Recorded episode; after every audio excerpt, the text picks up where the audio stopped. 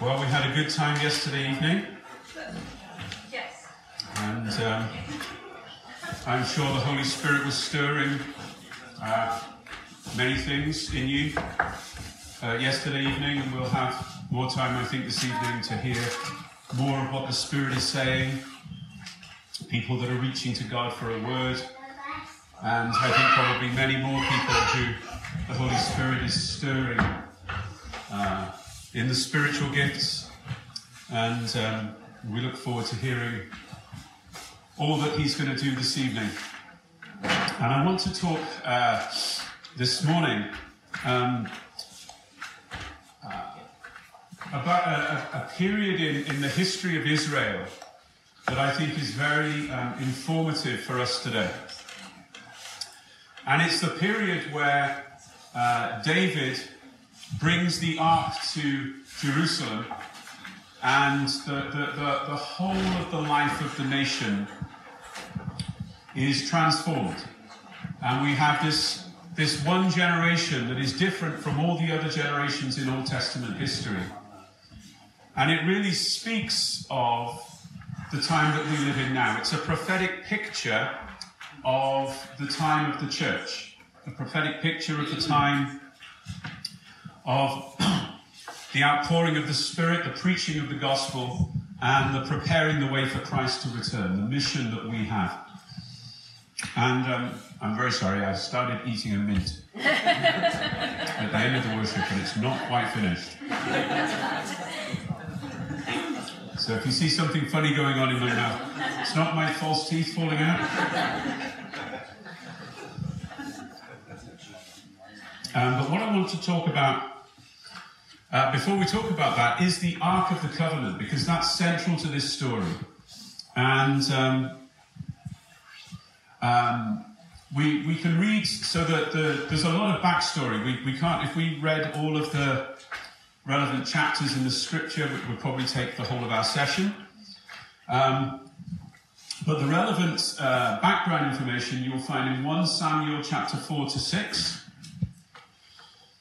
And um, in, in that passage, um, it's the time of um, King Saul. And um, the, uh, as ever, the uh, Israelites are fighting against the Philistines.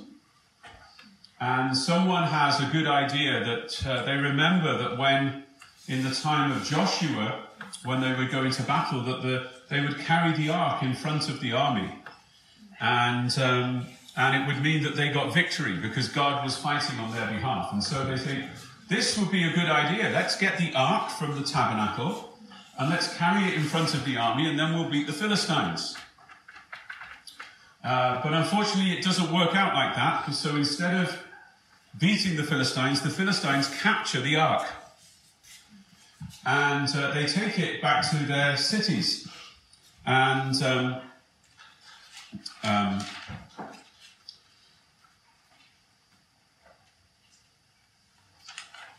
every, uh, everywhere that the Philistines put the ark, it causes them trouble. So if you remember, first of all, they put it in the temple of a god called Dagon. And Dagon, like most of the gods then, was a big uh, idol, a big statue. And they placed the Ark of the Covenant there. And when they came back the next day, Dagon was on his face worshipping at the Ark of the Covenant. So they stood him back up again. And then they come back another day, not only is he, is, is he down worshipping, but his, his, his head has been, uh, has been uh, knocked off. And so the, the people of that town decide they don't want the ark there anymore, and they send it to another town of the Philistines. And in that place, the different plagues begin to break out. And so um, eventually they decide they don't want the Ark of the Covenant. They don't want this, the God of Israel, in their territory. And so they decide to, to send the Ark back uh, to uh, Israel, or at least hope they can send the Ark back to Israel. So we're going to pick the story up there a little bit later on, when the, uh, the Philistines work out a way of how to, how to get this, the presence of God they because they thought the ark, they considered the ark to be a god. That's what they say when they're going to fight. They have a god fighting for them, because for them, a god was represented by some kind of physical structure. Um, but what was the Ark of the Covenant meant to represent? What was the Ark of the Covenant in God's plan and purpose? And um, we begin to get some idea in the book of Numbers, Numbers chapter 10, uh, verse 35 to 36. And remember when this is when the Israelites are in the wilderness and they were led by the fire at night and the cloud in the daytime. But then at the head of the, of the people going would be the Levites carrying the Ark of the Covenant. And so Numbers chapter 10, verse 35 to 36 says, Whenever the ark sat, um, set out, Moses said, Arise, O Lord, and let your enemies be scattered, and let those who hate you flee before you. And when it rested, he said, Return, O Lord, to the ten thousand thousands of Israel. So you can see where the people, when they were in the land, thought having the ark go in front of the army was a good idea because Moses would always say, Arise, O Lord, and let your enemies be scattered, and let those who hate you flee before you. He thought that this would be a, a sure um, recipe for winning. But it didn't work in their time. But this was the experience of Israel in the wilderness. And I want to show us through a, a, a few scriptures what the Ark of the Covenant represents, both in its original context in the Old Testament and then in its um, its ultimate what its ultimate spiritual significance is, and how that works uh, for us today. So the first thing that the ark represents is it represents the presence of God among His people. Where the ark was, God's presence was.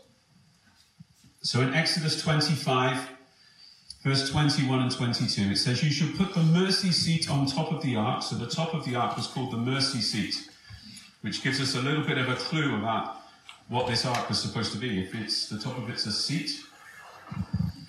And in the ark you shall put the testimony that I shall give you, so the um, uh, the uh, the tablets with the law on. And there, God says, there I will meet I will meet you from above the mercy seat between the two cherubim that are on the ark of testimony, I will speak with you. So this is God speaking to Moses when he's telling him about building this ark. He said, It's going to be the place where I meet with you, where I speak with you. And on either side of it, like arms on a chair, were these two uh, cherubims, these two angelic uh, statues. And then in Psalm 132, which is what um, where, where Horvath was teaching from on, on Friday night, it says this in verse 7 and 8 Let us go up to his dwelling place, let us worship at his footstool. Arise, O Lord, and go to your resting place, the ark of your might. Now, the resting place of God is the home of God, where he lives, where he dwells. And it's saying here his resting place is the ark. Ruth, could you bring my drink, please? And so the ark speaks to us of where God is. It's his presence. So it's his presence among the people. Thank you.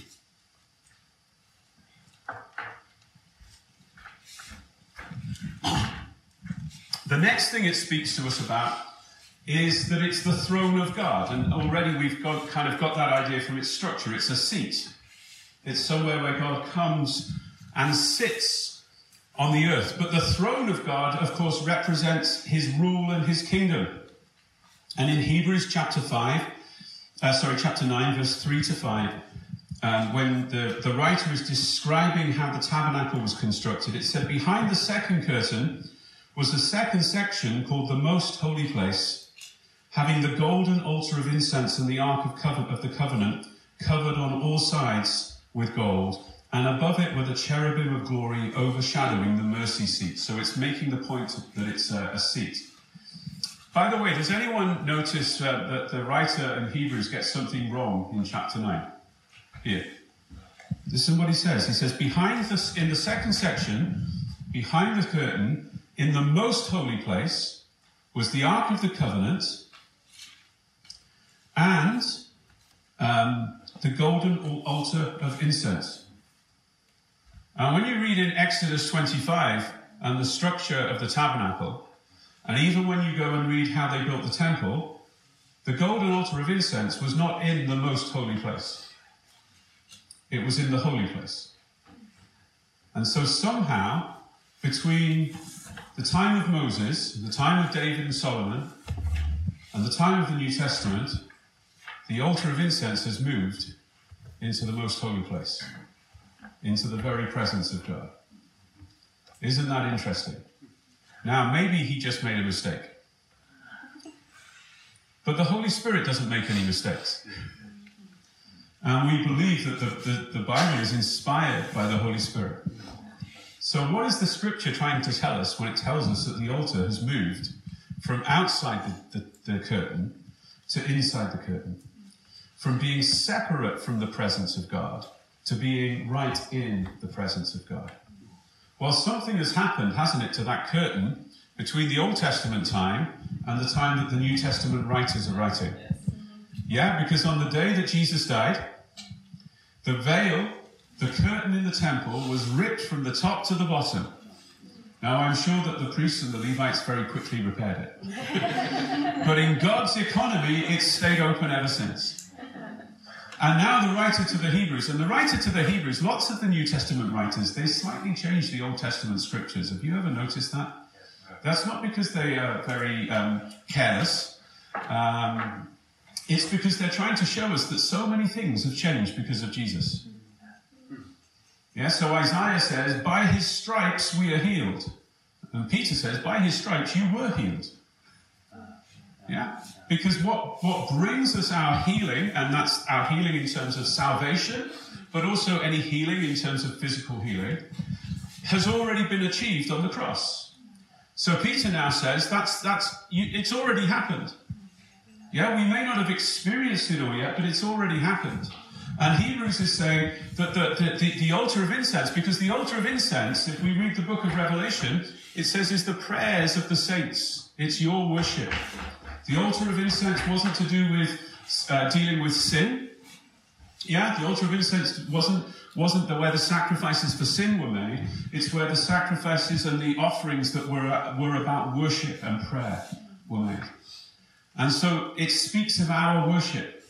And the object that talks about our worship is no longer separated from the presence of God, but it's been brought into his presence. In, um, in 1 Samuel 4, verse 4, it says, The people went to Shiloh and brought from there the Ark of the Covenant, the Lord of hosts, who is enthroned on the cherubim. They had this idea that God sat on the ark as a throne. And what are we told in Hebrews as well? That we can enter his presence and approach the throne of grace to find mercy and grace in our time of need. And, and when we come, when we talk about coming before the throne of God, we're also talking about coming to the true ark, God's throne, the place where God rules. So, so far we know that the ark is the place of God's presence among his people. It's the throne of God. And then the final thing it speaks of is the glory of God in his house. And so in Leviticus 16:2, the Lord says to Moses, Tell Aaron your brother not to come at any time into the holy place inside the veil before the mercy seat that is on the ark, so that he may not die. Don't come at any time. There was only one time they could come. For I will appear in a cloud over the mercy seat. God would, would actually presence his, manifest his presence in this cloud, this glory cloud. Um, in Psalm 80, the psalmist says, Hear us, shepherd of Israel, uh, you sit enthroned between the cherubim, shine forth, shine out. This idea of the glory of God as this radiant light. And he says that's where the glory of God comes from. It comes from his, uh, it comes from the ark. In, uh, back in, in Sam, 1 Samuel 4 again, when they, when they lose the Ark of the Covenant, at that time Eli was the priest and his son Phineas um, was also a priest, but he wasn't a godly man. And his wife was uh, pregnant at the time that the ark was lost, and her husband, Phineas, was, was killed. and she has her child, and she calls the child Ichabod, which means the glory has departed. Because the ark is not there anymore, the glory of God is gone. And uh, when Ezekiel has his visions of the, of the, te- of the temple, um, he sees the glory of God as this moving, uh, glowing cloud and presence. And he says, The glory of God of Israel went up above the cherubim where it had been and moved to the threshold of the temple. He sees the glory. He sees the glory of God departing from the throne. And so we have these three things that the ark speaks about. It speaks about God's presence among his people, it speaks of his throne on the earth, and it speaks of his glory in his house. And all of these things find their ultimate fulfillment in, uh, in Jesus Christ. Because the ark really is a prophetic promise uh, about Jesus, about Jesus coming among his people. So, first of all, think about the ark as the presence of God among his people. Well, what do we know about Jesus? Matthew chapter 1, verse 22 says, All these things took place to fulfill what the Lord had spoken through the prophet. Behold, the virgin shall conceive and bear a son, and they shall call his name Emmanuel, which means God is with us. Jesus is the ultimate God's presence among his people. Paul puts it this way in Colossians 1:19, for in him all the fullness of God was pleased to dwell. When Christ was amongst us, God was really here. Jesus is also himself the throne of God, and he's certainly the king who sits on the throne. But in Matthew 28, he says this All authority in heaven and earth has been given to me. All authority. I have all the authority. And the throne was always a picture and a, and a statement for the authority of the person that sat on it. In Hebrews chapter 1, verse 6, it says this what the Father says about the Son. When he brings his firstborn into the world, he says, Your throne, O God, is forever and ever. So when Jesus comes into the world, the throne of God comes into the world. And then in, um, in Romans 23, where it says that Jesus Christ, who God put forward as a, a, English word is propitiation. Nobody really knows what that means in English.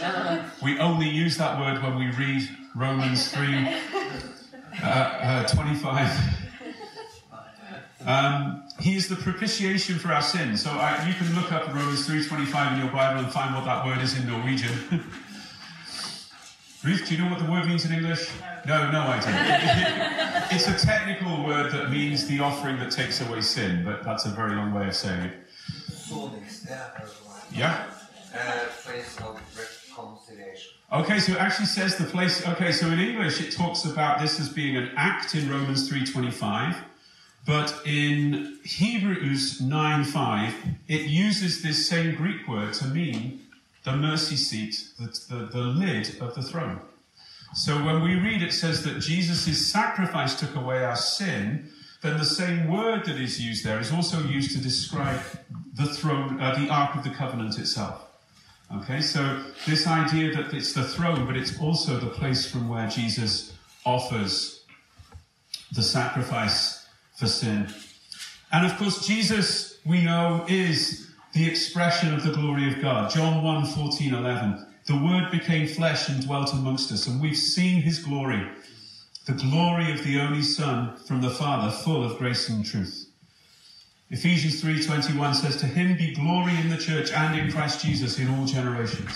So Jesus is now the the the the, uh, the, the, the manifestation of the glory of God. So all of the things that the ark pointed to and promised become a reality in Jesus Christ. God among his people, the throne of God in the earth, and the glory of God in his house. And um, this, um, this will help us now understand what's going on when David is bringing the ark to Jerusalem. So if we go back and um, uh, think about what was going on in the, in the transition from the kingdom of Saul to the kingdom of David. And in the kingdom of Saul, this this ark which speaks of God's presence among his people, it wasn't among his people. It speaks of God's throne, but they'd lost the throne. And it speaks of God's glory, but God wasn't seen and wasn't inquired of in those times. And, um, and David develops a very close relationship with the Ark of the Covenant. And I want to suggest to you that David bringing the Ark to Jerusalem is both a pattern for worship. So, how we, when we gather together to worship the Lord, it's a pattern that we can follow. But it's also a picture of the mission of the church in the present age. Because it's to take what is the presence of God, it's to take the throne of God, it's to take the glory of God from a place where it's not seen, it's not known, and it's obscure, and to bring it so it becomes the center of all life. And your, so your mission as a church in Trondheim is to make known God's presence in this city. It's to make known and to show the rule of God, the kingdom of God in this city. It's to reveal the glory of God in this city. And in Isaiah chapter 2, it says, In the last days, the mountain of the house of the Lord will be established as the chief of the mountains, and the nations will stream to it, and kings and rulers will come and walk by its light, and the nations will come and say, Teach us your ways. And just as David brings the ark up to Jerusalem, it comes up and it comes to the to rest on the on the top of the mountain, and it becomes the center of life for the nation of Israel.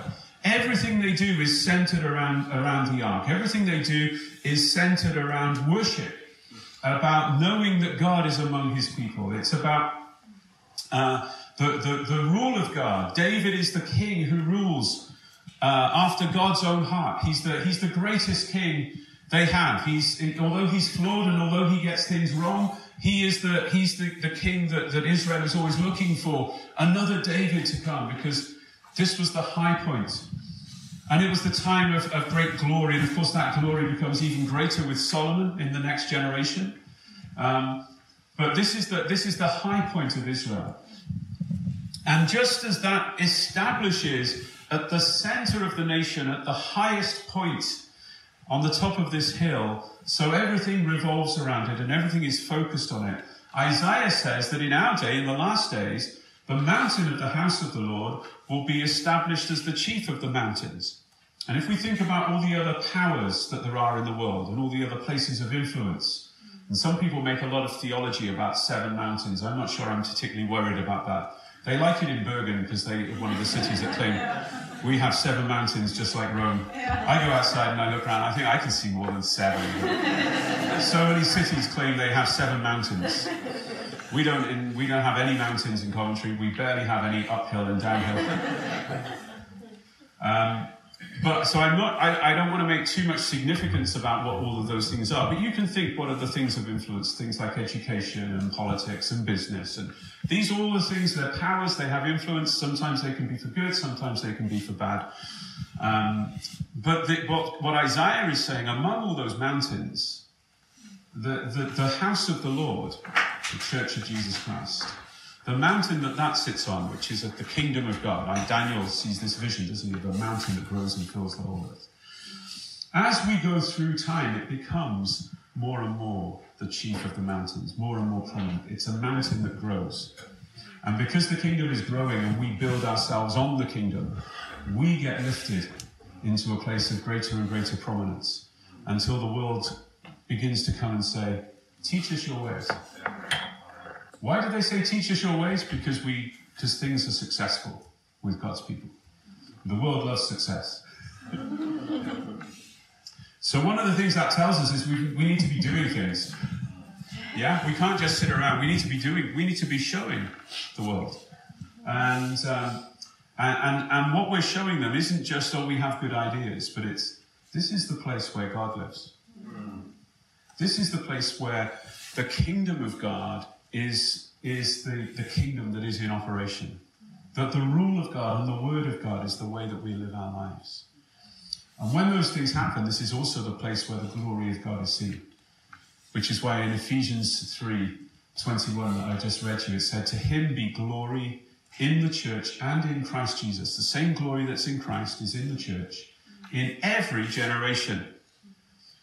And I think one of the reasons Paul reminds us it's in every generation is so that we can't read all of these great promises and expectations in the scriptures and say, oh yeah, one day, one day that will happen. no, he says in every generation, God wants his glory to be seen in his house. And so what David, what David is doing in bringing the ark up to Jerusalem is, is also a picture of our whole mission in the present age of bringing the world to be centered around the throne of God. Now we know that there will always be those who rebel against God's rule and against God's kingdom. We know that there will be those who hear the gospel. We'll know those that even maybe see and experience miracles and wonders and still choose to not put their faith in Jesus. So I'm not talking about universal salvation, but I, I do believe that God wants to bring his people to a greater and greater place of prominence, for the gospel to be more and more successful. I believe we will see, uh, in, in, in reality, the world has, in, in various places, been in a state of revival for over 100 years since the outpouring of the Spirit at the beginning of the 20th century. And it's come in different places at different times. But I, I, I don't believe that that's the. Uh, I don't believe that the best is behind us. I believe the best is still before us. And I believe, in terms of those that we see coming to Christ and the numbers that we see coming to Christ, that the greatest harvest is still to come. And we are in, involved in this mission, and, and, and, we are called to be part of this, of God bringing uh, Himself, making Himself known in the world, the presence of God being known in the world, the, the rule of God and the wisdom of the rule of God that, that, that proves that when you live by the ways of God, uh, that you will find the most successful way of life. And that that will be one of the things that attract uh, the world. Um, and it's not just my idea, so I just want to be clear. This is not just my idea. This is not just me thinking, oh, this is an interesting illustration in the scripture. In Acts chapter 15, um, it's been uh, what they call the, the Council of Jerusalem, where they've um, Paul and Barnabas have gone to Jerusalem because some teachers go from Jerusalem to Antioch and start teaching uh, that you have to obey the law of Moses in order to follow Jesus. And um, uh, for all the men, there were some fairly painful consequences of having to obey the law of Moses if you were a, a Gentile. And, uh, and I don't know whether these teachers from Jerusalem started getting out their flint knives. And, uh, and it was at that point that they started going, hang on a minute, we're not sure. Um, but Paul and Barnabas need to go to Jerusalem and get this sorted because actually they, their, their problem isn't with any one particular practice, but their problem is no, this is not how we receive salvation. And so they, they go and there's a, there's a great um, debate and a judgment is brought um, after the discussion by, uh, by the Apostle James. And uh, everyone's happy with the judgment. But this is the scripture that he turns to as the authority uh, about how the gospel should be proclaimed among the Gentiles. In Acts 15, verse 13, says, After they finished speaking, James replied, Brothers, listen to me. Uh, Simon has related how God first visited the Gentiles to take from them a people for his name. And with these words, the words of the prophets agree. Just as it is written, after this I will return and I will rebuild the tent of David that has fallen. Tent and tabernacle, same word. And I will rebuild its ruins and I will restore it, that the remnant of mankind may seek the Lord, and all the Gentiles who are called by my name, says the Lord, who makes known these things from of old. And he's quoting, I think, from the prophet Amos. And isn't it? It's an interesting passage. Sometimes it takes you a little while when you read the New Testament apostles, the scriptures from the Old Testament they quote to make the point they want to make. You sometimes takes a little while to work out why did they choose that passage.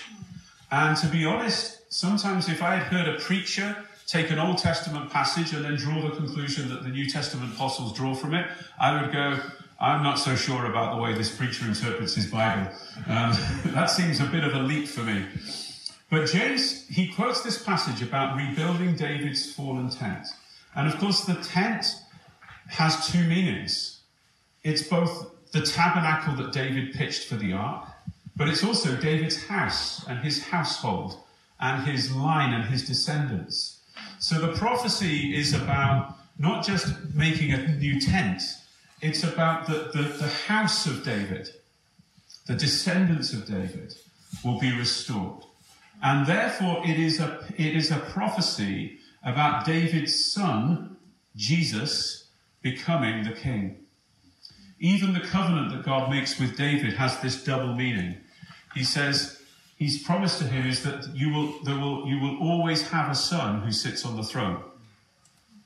And that continues for many, many generations, naturally speaking. David's descendants rule all the way down to a king called Zedekiah, who's the final king. He only rules for a few months before uh, all the people are, the kind of the, the captivity uh, takes away the rulers. Um, so, so David has natural descendants who continue to be the kings for many, many generations. But the ultimate fulfillment isn't that you will, from one generation to the next, have a new king in every generation. The, the ultimate fulfillment of the promise is one day you will have a son who will be the king forever. Yeah? So it's a promise of forever you will have sons who will be kings, but the bigger promise is one day you will have a son who will be king forever. And of course, that's Jesus.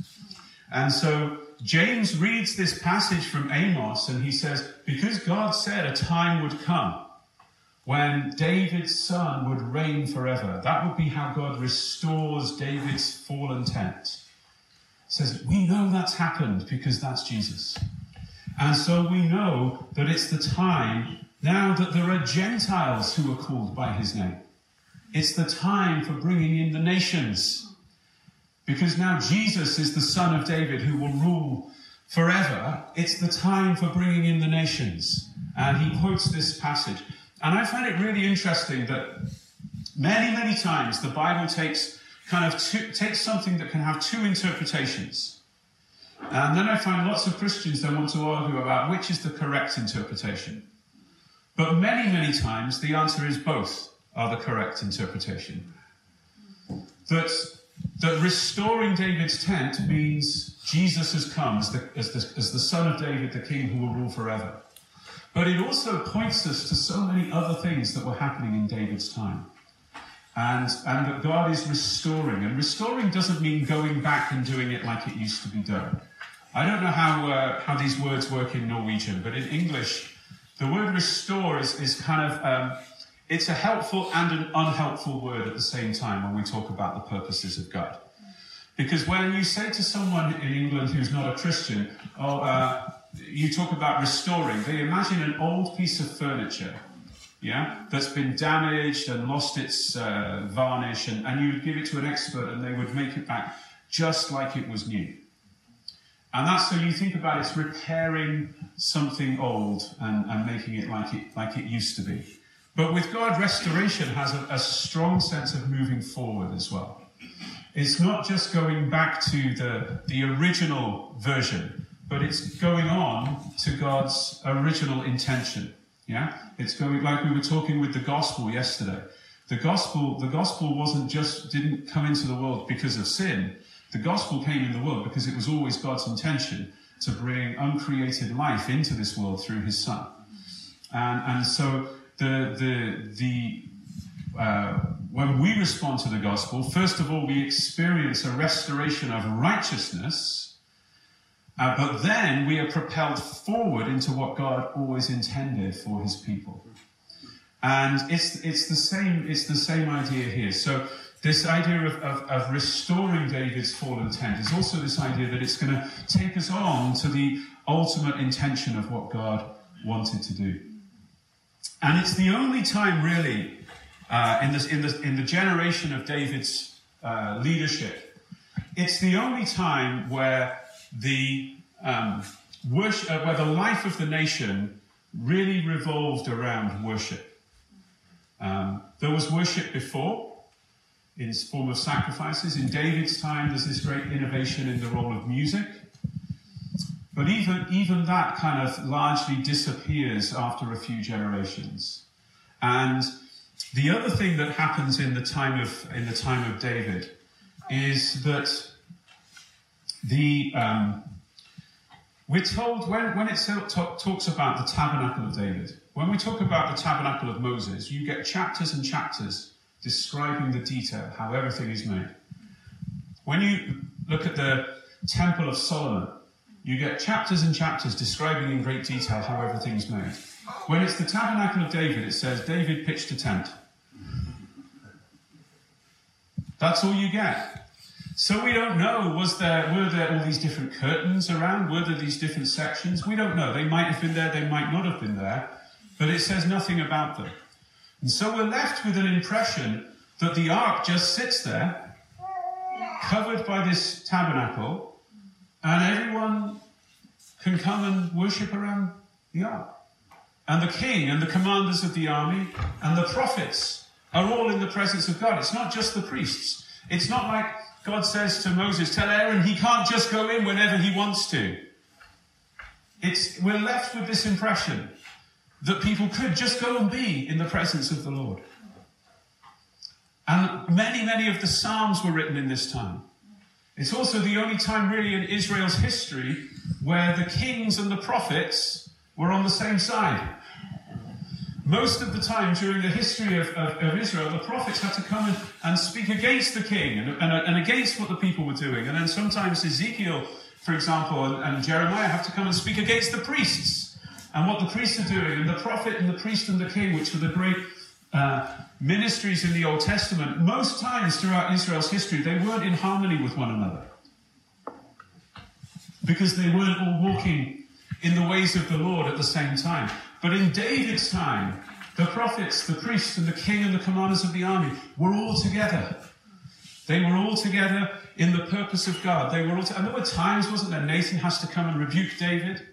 But what does David do? He repents. What would other kings have done? What would Ahab have done? I'm going to kill you. yeah, David, no, he repents. So there's this, this wonderful time of, of harmony between the different ministries, this open access. At least that's how the story appears this open access into the presence of God. And everything that the nation does is centered around the throne of God, the presence of God among his people, the throne of God in the earth, and the glory of God in his house. And so it paints a picture to us of this um, snapshot of eternal worship. Because when we read in, say, Revelation 4 and 5, these, this scene we have of the worship around the throne in heaven, and we get similar pictures, don't we, in uh, Ezekiel chapter 1 and in Isaiah chapter 6. And I think as well Psalm 29 is another one of those heavenly visions.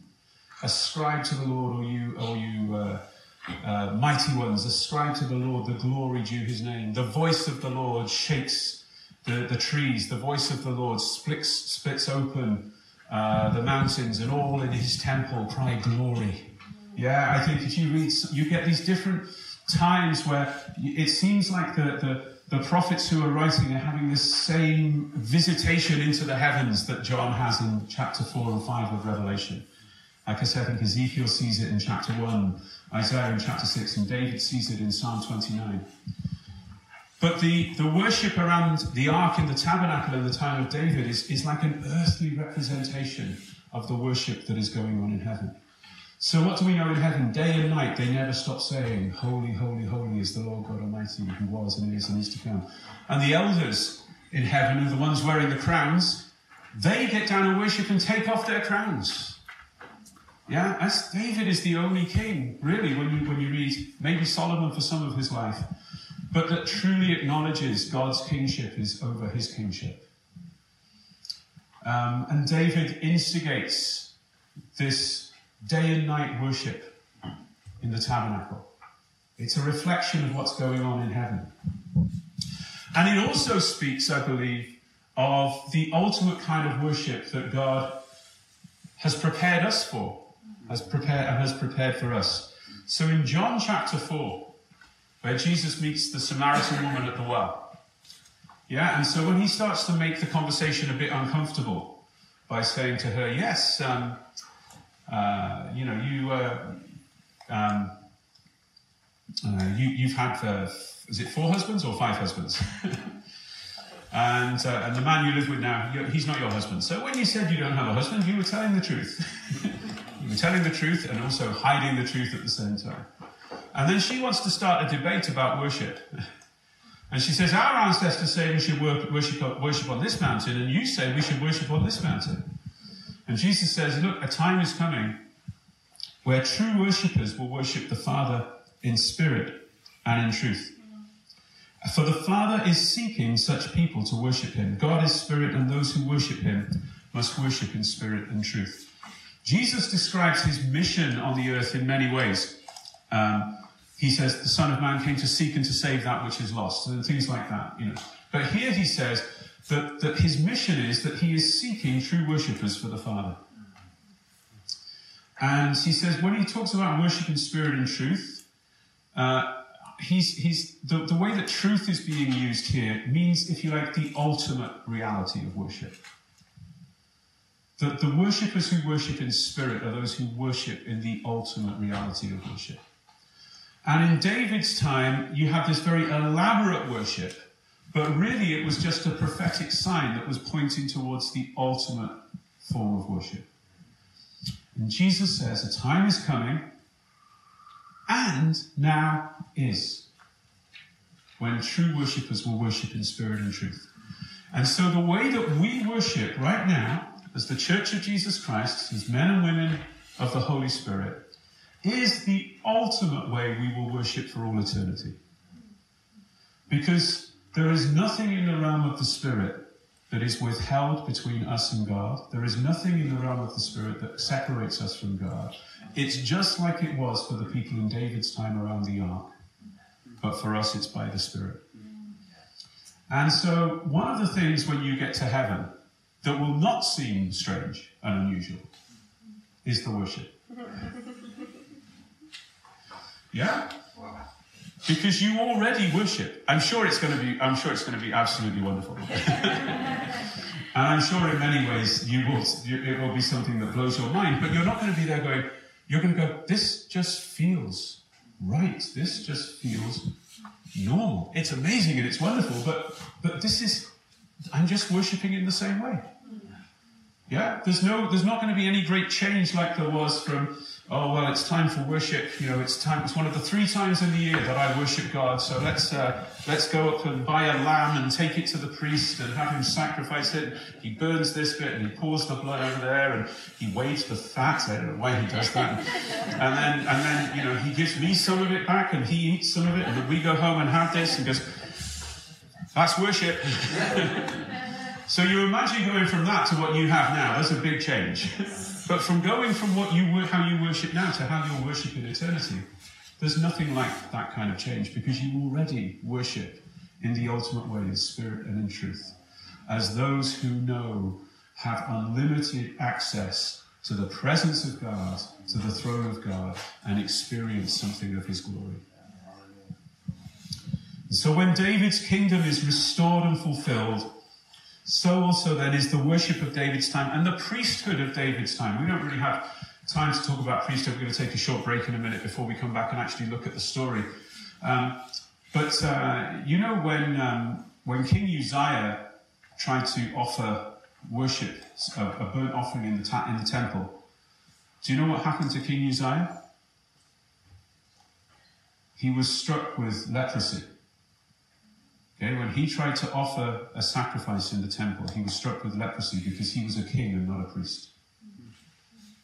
When David leads the procession of worship and into the presence of God, what does God do? God makes a covenant with him. Why? Because David wasn't trying to be a, a priest like the Levites. Psalm 110, we know this talks about Jesus, but before it talked about Jesus, it talked about David. You are a priest forever of the order of Melchizedek. And David is a priest of a different order. Jesus is the high priest of the order of Melchizedek. You are priests in the same order as Jesus. That means you also are priests of the order of Melchizedek. Isn't that interesting? Melchizedek, do you know what his priesthood consisted of? Blessing. Yeah? He comes to Abraham, he brings in bread and wine, and he blesses him. That's the priesthood we have, the priesthood of blessing. And, um, and so David's, David's worship as a priest, again, speaks of the way that we worship. And when we see that, that this, uh, this, the, story that we're going to look at about David bringing up the ark and the, and the form of worship that they established, it can speak to us of two things and it helps us connect those two things. It speaks to us of how we come together to worship, so how we gather as a church, but it also speaks of our mission in the world. And one of the greatest things I believe that the Church of Jesus Christ need to rediscover is the connection between our gathering together and are being sent into the world. That we don't gather together as a way to escape from the troubles of this world. We gather together as those who come into the presence of God, as priests unto God. We minister to Him, and from His presence, just like Melchizedek, He comes out of the city of Jerusalem. It's only called Salem at that time, but it means peace. It's, he is the King of peace, Melchizedek. And he comes out from the city of God and he brings blessing to the, to the world around him. And you and I, and that's, that's Abraham. Through you, all the nations of the world will be blessed. Peter says in Acts chapter 3, you are the children of the prophets and of Abraham. You're the children of the prophets because you inherit all the promises, and you're the children of Abraham because you inherit his mission to bless all nations. And when we realize that our coming together isn't just for a nice, oh, I got really blessed at church today time, or oh, I don't know how I would make it through life if I couldn't go and be with the church, or, or um, you know, uh, oh, it's just so nice to get away from all of the, the chaos of the world and come into this, the chaos of the church. uh, um, but when you realize, no, I, I, I'm here because I'm a priest, and I'm here coming and I'm, I'm interceding for the world, and I believe that I will receive something that will go and bring the kingdom of God. All those things that are represented by the ark. The presence of God, wherever you go, you bring his presence. The rule of God, both in your own life, but also in every situation you come into. You are, a, you are not just a priest, you're a king. Everywhere you go, you're a king. You bring the rule of God. And ultimately, you show the glory of God. And so when we can see this connection between the church coming together and the world being transformed by the gospel and the kingdom of God coming, it, it really revolutionizes our understanding of who we are as the church of Jesus Christ. So, uh, we talked about how the ark ended up in, in uh, with the Philistines and they wanted to send it back.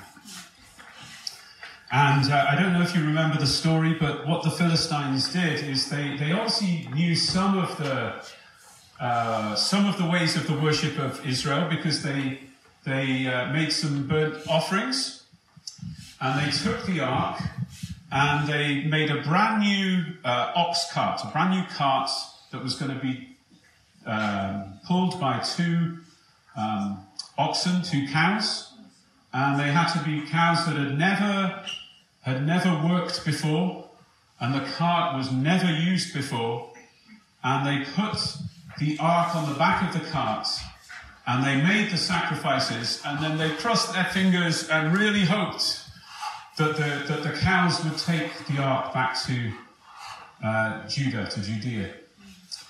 And then they saw them going, and they see them cross the border, and they are very, very happy because for them, God's presence, God's presence among the Philistine people had been about sickness and disrupting their way of life and, and making their religion look foolish and bringing all kinds of trouble. So they, they didn't want the presence of God. And so they were so glad when they saw that the ark had gone back to the land of the Israelites. And it ends up at a place called Kiriath Jearim and the house of a man called Abinadab. Abinadab. Now, this all happened fairly early in the reign of Saul. And for the many, many years, the ark just sat in Kiriath Jearim. The tabernacle, they were still carrying on in the tabernacle with the sacrifices. Isn't it interesting? Religion can carry on quite happily even when God's presence isn't there anymore. The sacrifices were still being made, all of the rituals were going on, but God wasn't there. In fact, God seemed to be much happier to be down in the house of Abinadab, a quiet little corner, but at least there was people who were ministering, ministering to him and honoring him. And then comes the time of David, and David realizes that something needs to change. I don't know how much of this we're going to get to talk about this morning. Maybe we can continue some of it this evening. Because I want to read you the, the two chapters. You probably know that David made two attempts to bring the ark to Jerusalem. Yeah? And we're going to read about them in 1 Chronicles chapter 13 and then 1 Chronicles chapter 15. And in between, chapter 14 is kind of like a summary of the whole era of that time, because it tells us that there were three months between chapter 13 and chapter 15. And then in chapter 14, it says that David married many wives and had lots of children. I don't think he did that all in three months. So I think chapter 14 is a, a summary of, uh, of, of, of the, that, that period of time. But chapter 13 and chapter 15 tell us about the two attempts to bring the ark. Now, the first one, you won't be surprised to know, even if you've not read the story before, the first one is a failure, and the second one is a success.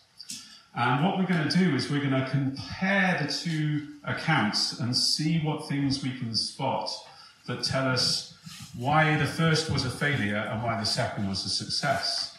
And remembering that this picture is also telling us about how we gather together to worship, and it's telling us about our mission in the earth. And so we can learn lessons how we can learn lessons from the failure about how not to do things, and we can learn lessons from the success about how we should do things. So um, if we can read chapter 13 and then I think straight and read um, chapter 15 as well.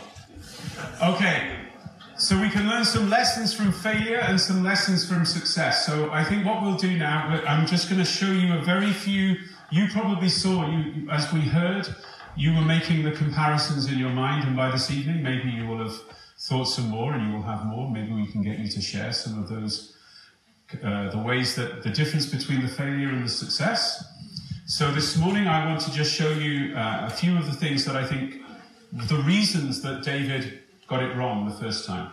And then this evening, we can look at how to get it right. That's always better to go that way around, yeah?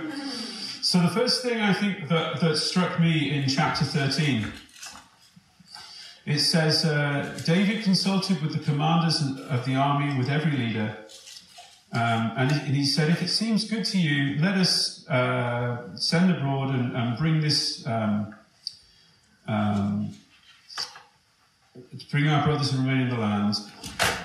Then in verse 3 it says, let us bring the ark of God uh, let us bring back again the ark of God for us.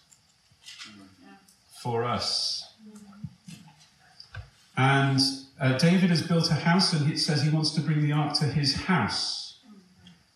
And I think there's a presumption he, mean, he makes that he can bring God into his presence. And before we can experience God in our presence, we need to know that we have to go into his presence. Yeah? We can't take God and make him our, um, we, we can't make him accommodate to our ways. Yeah? This is a temptation in many church circles. Oh, well, we want God and we want his presence, but we'd like, him, we would like it to be done our way. And often our way is also the way of the world. yeah? Yeah, it's wonderful. It's wonderful that we have. It's wonderful that we have Jesus, but we want him to be a Jesus that is kind of accommodating to you know, it's the 21st century and we're a modern, you know, democracy and, you know, we can't bring him to us. Okay, it's got to be for him. We can't presume to bring God into our presence. We rather have to build around his presence. That's the first mistake. And then the next thing David does, and it sounds very wise, he consults with all of the leaders of the army and all the people, and everyone is of one mind. Everyone has the same opinion, and they're all wrong. we don't find God's will by consensus, we find God's will by revelation. Okay? They had the right idea. It wasn't good that God was over here on the edge. God did want to be in the middle, but God had a way. And actually, God had written again in the, in the book of Exodus, many, many chapters, how you should move the ark. But they don't do that. They just they just go with what seems a good idea because they were all thing. The thing was right in the eyes of all the people. You remember in the book of Judges it says, you know, there was no king and everyone did what was right in their own eyes. so they had anarchy in Judges. Here they have everyone agreeing, but they're still wrong because they haven't heard the word of the Lord and they haven't consulted uh, the way of God. And um, even, even in New Testament times, uh, the consensus of opinion can, can actually be a, a, problem. You remember when Paul is on his way to Jerusalem in Acts 21, and um, every, he says, Everywhere I go, people are imploring me by the Spirit not to go to Jerusalem. and when he gets to Caesarea, he meets Agabus the prophet. And he's nearly at Jerusalem now. And Agabus the prophet comes and he takes off his belt, he takes off Paul's belt, and he ties himself up in it. You love a bit of uh, prophetic um, drama. He ties himself up and he says, This is what will happen to the owner of this belt. But the one thing Agabus doesn't do is he doesn't say, So don't go to Jerusalem. And it's really interesting because it seems to me that everywhere Paul had gone until that point, people had heard from the Holy Spirit that he was going to trouble. But then had assumed that that meant he shouldn't go. And it took an encounter with this senior prophet before you get the pure word, which was, you're going to get into trouble. But there was no command to not go. And so even, even we, we need to be careful that we might we can all hear things. We can have many people hearing something from the Spirit, but if we apply then a human interpretation, we can end up all thinking the same thing, but we can be wrong. We need to be very careful that we don't go beyond what God has said. Because actually, Agabus saying nothing about whether Paul should go or not, Paul said, That's it, I'm going. if God isn't going to prevent me through the mouth of this prophet, then I'm going to continue because I know what God has said to me. I know, I know God's call. Um, yeah, so we need revelation, not a consensus of opinion. This one, the next one is really important in worship. Did you see what method they used for moving the, the ark? Yeah? Uh, an ox cart. Now, where did they get that idea from? they got that idea from the Philistines. But here's the thing for the Philistines, it was a great success because they were not God's people, they were a worldly people, and they were trying their best to honor God. And God accepted their efforts. Yeah? He said, It was never my idea for ox carts, but you're trying your best. You don't know any better, and you're trying to honor me. I will accept that. But when God's people try and do things by the ways of the world, and God says, Hang on a minute, I've told you, you know better than that. You know the ways to do this. And I think this is really important both in our worship and the way we express our worship. So much worship these days feels like a theatre show, feels like a concert. And it's successful if you count the number of bottoms on seats. If you're putting on a show, okay, if you're theatre and you're going to put on I don't know, Les Miserables. You measure success by how many people will come and watch your show. That's not how we measure success in worship. Yeah. Um, we, we, we, we, could, we, could, we could copy the ways of the world. We could go high production, we could go lights and everything's polished and everything's wonderful and everything's smooth, and people go, oh, this is so impressive. And we could entirely miss because this is not the way that God has shown us. And David realizes this. We'll talk about this this evening, but he realized that in those three months he had been reading his Bible. said, Oh, God has told us. God has given us a law. This is how you this is how you carry the ark. Um, so don't imitate the ways of the world. They may bring a form of success, but ultimately they will cause God to break out against you. Because when the way of the world goes wrong, Uzzah puts out his hand and he's struck dead. I'm not saying God's going to strike people dead. but you know, God is very serious about things being done in his way, particularly when he's made it clear to us what are his ways. And we may, it may look like we're having great success, but ultimately we put ourselves in a, in a dangerous position. And you see what it says that after they took just a few steps, they did this most elaborate sacrifice of burnt offerings. And the people were singing with all their might. And it was, it was it, you know, the most impressive sound and, and, and thing that you could put on. But your worship and your sacrifice, it doesn't count for anything if you're not doing things God's way. Isaiah 1, God says, I hate your burnt offerings and your sacrifices. You what? This is, they're in your word. You're doing it. No, I hate them because you, you oppress the widow and you don't look after the poor. And the orphan goes hungry. He says, if you're not doing the things that I've told you to do here, right, then all this means nothing to me. And here it's like if you're not gonna if you're not gonna walk in my ways, you can make as much noise as you like, you can make as big a sacrifice as you like, and God says, counts for nothing. And what's the result in David? This is how we know that this isn't true worship. At the end of the passage, David is afraid and angry. Yeah? Worship doesn't take us to a place of fear and anger. What do we learn? The presence of God will not be accommodated in our structures and our ways. We cannot bring God to us. The purpose of God can't be brought into line with our agendas. We must walk in His way. And the worship of God is never for what we get from it, but for what how the glory comes to God. Okay, so that's chapter 13, and then this evening we can look at chapter 15 and how they succeeded in bringing the ark up to Jerusalem. Okay, we'll finish there for this morning.